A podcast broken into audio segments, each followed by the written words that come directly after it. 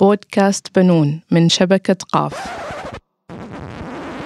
معكم سمية الكندي أم لطفلين شاركوني الكثير من القصص والتجارب وأشعلوا شغفي في مجال الأمومة.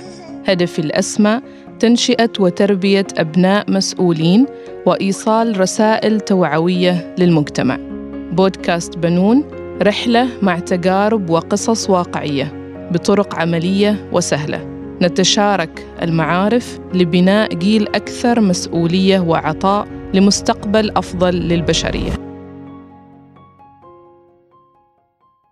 دائما ما نسمع عن الروتين بأنه مرتبط بالملل والرتابة في أسلوب حياة الإنسان.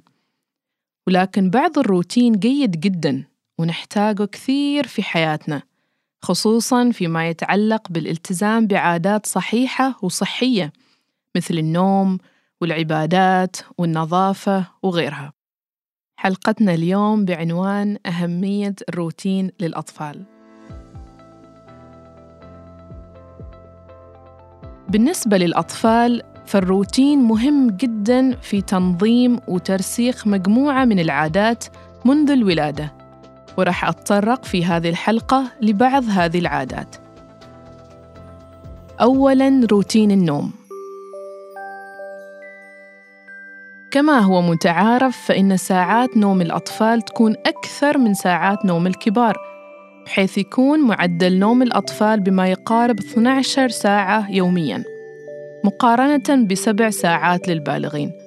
وطبعاً يقل تدريجياً كلما كبروا. وفترات النوم الطويلة للأطفال مفيدة جداً في نمو الدماغ وتطوره لأن هرمون النشاط ينشط في وقت النوم العميق.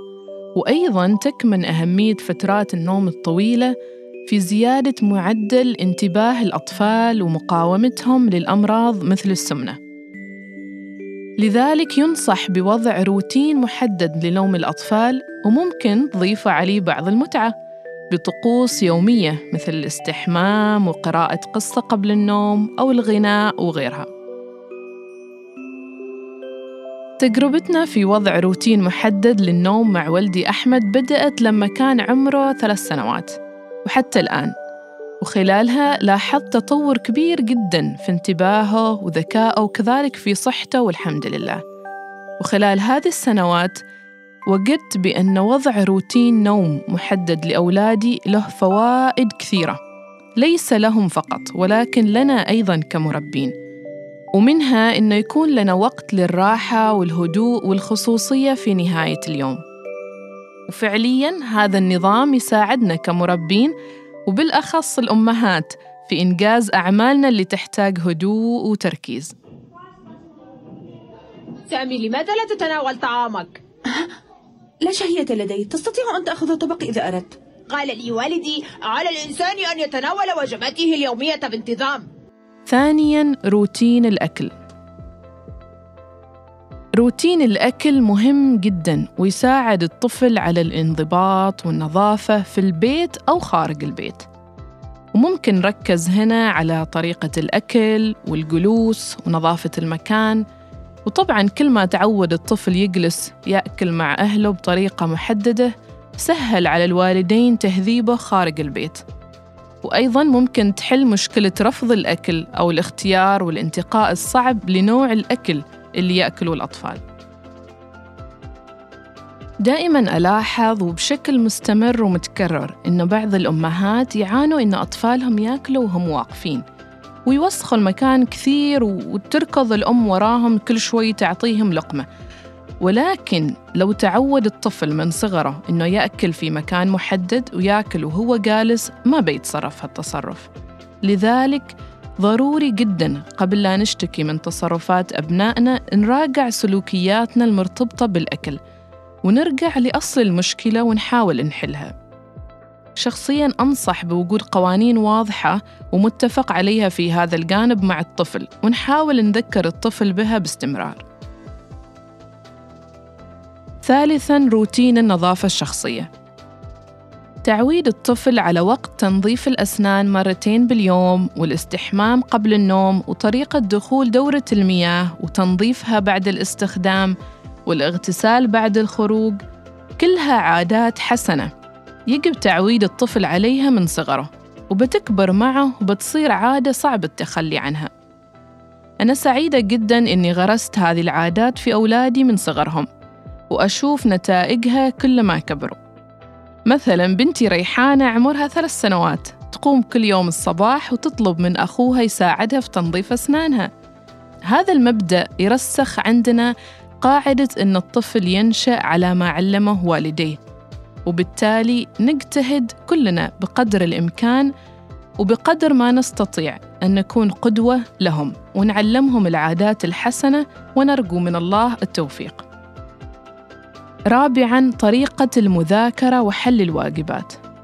من العادات المهمة اللي اشتغلنا عليها خلال العام الماضي هي تخصيص وقت في اليوم للمذاكرة لأحمد بحيث إننا نجلس في غرفة منفصلة بعيد عن أي إزعاج ونركز على المراجعة فقط ولاحظت إنه هذه الطريقة ساعدتنا في تقليص الوقت اللي نجلس فيه نراجع ونذاكر لأنه ما في أي مشتتات وما يكون الطفل مشغول بأي شيء آخر وأيضا ساعدت في تقبله هو للمذاكرة.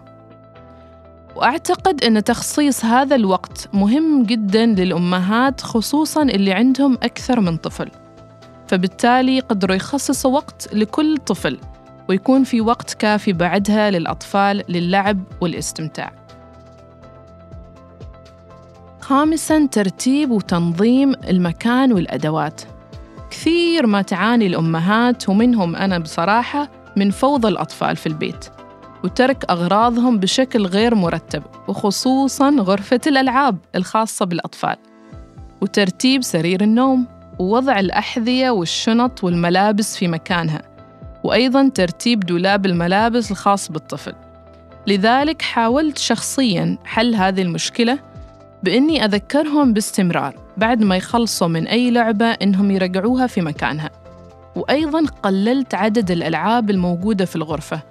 وأحاول أستبدلها باستمرار وباقي الألعاب تكون مخزنة بعيد عن متناول يدهم. أيضا حاولت أضع قانون واضح واتفقت عليه مع أطفالي إن اللعب يكون فقط في الأماكن اللي حددناها للعب. وهذا سهل علينا مهمة ترتيب البيت وقلل الفوضى. وهنا أود الإشارة إلى دور القدوة الحسنة في هذا السلوك. فكلما شاف الطفل والديه يقوموا بترتيب ووضع الأدوات في مكانها يشجعوا على تقليدهم. طيب بذكر هذه العادات إيش هي الأمور اللي تساعدنا كمربين على خلق روتين ناجح؟ بذكر هنا بعض النقاط اللي ممكن تساعد المربين على خلق روتين ناجح. أولاً الالتزام بالروتين. يعني ما ممكن نبدأ نطبق يوم وعشرة أيام نتوقف مثلاً في روتين النوم. في بعض الأيام الأطفال يناموا الساعة ثمانية وبقية الأيام يناموا الساعة عشرة لأن هذا ما يساعد الطفل على التأقلم على النظام الجديد. النقطة الثانية أنه قد يواجه بعض المربين صعوبة في وضع روتين للأطفال اللي في عمر أشهر. وخصوصاً للنوم. ولكن مع الوقت يعتاد الطفل وأيضاً يختلف التعود من طفل لآخر. ولذلك أنصح الأمهات بالصبر في هذه المرحلة وعدم استعجال النتيجة. أيضاً من الأساليب المهمة في خلق روتين ناجح للأطفال هو أسلوب الحوار مع الطفل وشرح الأسباب لخلق هذا الروتين.